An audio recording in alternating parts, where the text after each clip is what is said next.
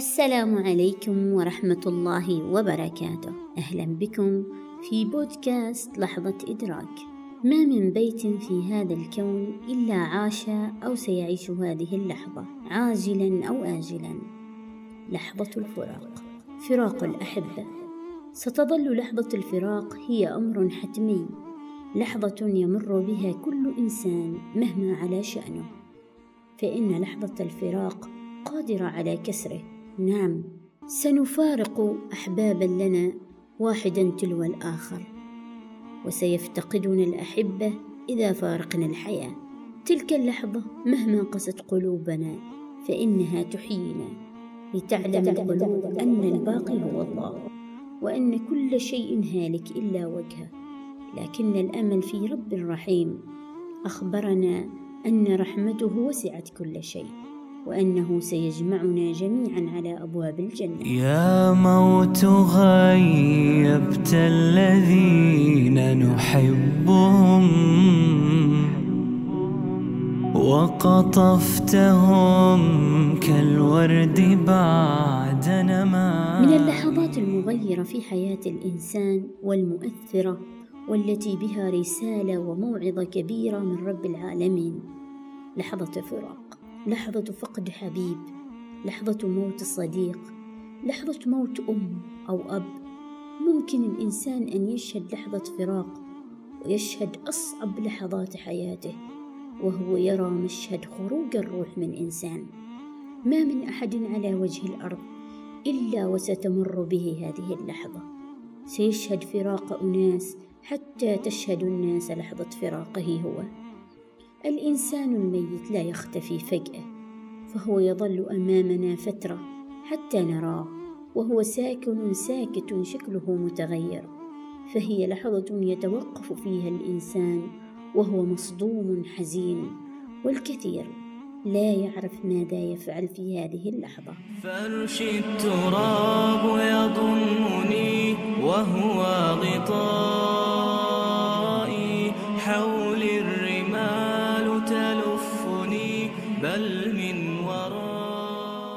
لحظة الفراق في القرآن الكريم. كلمنا الله سبحانه وتعالى عن لحظة الفراق في القرآن الكريم. كل نفس ذائقة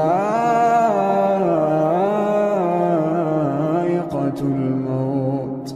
وما دام كل نفس ذائقة الموت فسنمر كلنا بهذه اللحظة. اقرأ القرآن إنها لحظة لا يعرف أحد وقتها. ولا أحد يملك تأخيرها ولا تعجيلها ولا أحد يعلم متى وأين سيموت. وما تدري نفس ماذا تكسب غدا وما تدري نفس بأي أرض تموت. الأصل فينا العدم فنحن جئنا من العدم وعشنا ثم ذاهبين للموت ثم ذاهبين لحياة لا تنتهي. لماذا يجعلنا الله نعيش هذه اللحظة؟ كفى بالموت واعظا الموت ولحظة الفراق فيها أكبر نصيحة للإنسان. لماذا خلق الله هذه اللحظة؟ لماذا يشهد الإنسان مراحل موت إنسان آخر؟ فترى الميت يموت أمامك وتراه وهو يغسل وليس لديه أي إرادة بين يدي مغسليه وتراه وهو يكفن ويغطى بالقماشة البيضاء وتصلي عليه وتدعو له ولنفسك اللهم لا تحرمنا أجره ولا تفتنا بعده ما هي الحكمة من معاصرة هذه اللحظات الصعبة؟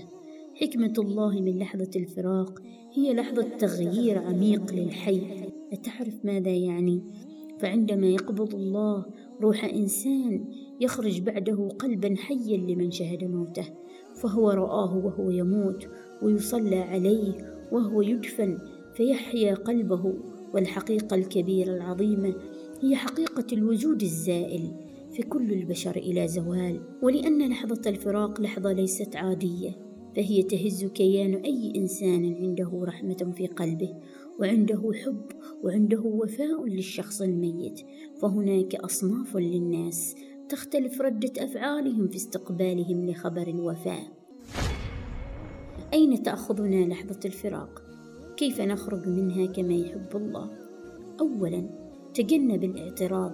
لا تعترض على قدر الله سبحانه وتعالى. وتماسك لأن الميت يشعر وهو يسمع كل شيء لأنه في حياة. ولكن حياة أخرى يسمع ويرى ولكنه لا يستطيع أن يرد ويتكلم. فحول طاقة الحزن لدعاء. حولها لصدقة جارية. حولها لفكرة كيف تنفع الميت وترد له جزءا من معروفه لك لكن احذر أن تعترض لو كنت غارقا في الأحزان. واحذر أن تسحب من تحتك لحظة الفراق ولا تشعر بها إذا كنت معترضا.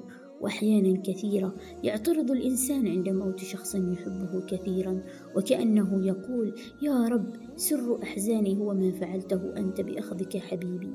فهي لحظة اعتراض على قدر الملك وعلى الحكمة الربانية في حياه كل انسان المسار الثاني وهو الحزن السطحي والحزن السطحي هو الحزن الذي يستغرق يومين أو ثلاثة أو أسبوعين أو شهرين أو ثلاثة ولكن لا يحدث تغييرا. عادت نفس الأخطاء ونفس الصلوات التي لم تكن تصلى ونفس مجموعة الأصدقاء التي كانت مكسورة بالأمس وتبكي عادت تضحك الآن. رجوتك يا رب يا ذا الجلال قبولا لصاحب خير الخصال وأن يسطع النور في قبره خطوات لتعيش لحظة الفراق بشكل رباني وعلى مراد الله. أولا استعين بالباقي لأن الناس كلها تفارق إلا الباقي لم يفارقك أبدا وأنت حي وأنت ميت في قبرك وفي آخرتك. هو الباقي. ثانيا اسأل نفسك ما هو الحاجز. أزل حاجز بينك وبين الله. منعك أن تكون قريبا منه. اجعل هذا الشخص الذي فارقك يكون له الأثر في أن يصبح قلبك حيا. فعند وفاة أي شخص قريب منك فكر ما الذي في حياتك لا تريد أن تموت عليه. فليرى كل شخص منا ما الذي يمكن أن يفعله لنفسه أو لغيره؟ وما هو الحاجز بينه وبين ربه في لحظة الفراق؟ ليقابل الله وهو راض. الخلاصة احذر الاعتراض على أفعال الله. وتعلق بالله الباقي. والموت ليس كئيبا. فالميت في سعة رحمات الله. أزل الحواجز واجعلها لحظة من لحظات الفراق. وتغيير عميق ينقلك لحال أفضل مع الله. فاللهم يا رب العالمين اجعل موت أحبابنا واعظا لنا واغفر لهم ولنا واجعلنا بهم على أبواب جنانك يوم يقوم الناس لرب العالمين. رجوتك يا رب يا ذا الجلال قبولا لصاحب خير الخصال وأن يسطع النور في قبره وثبت ثبته يا رب عند السؤال. رجوتك يا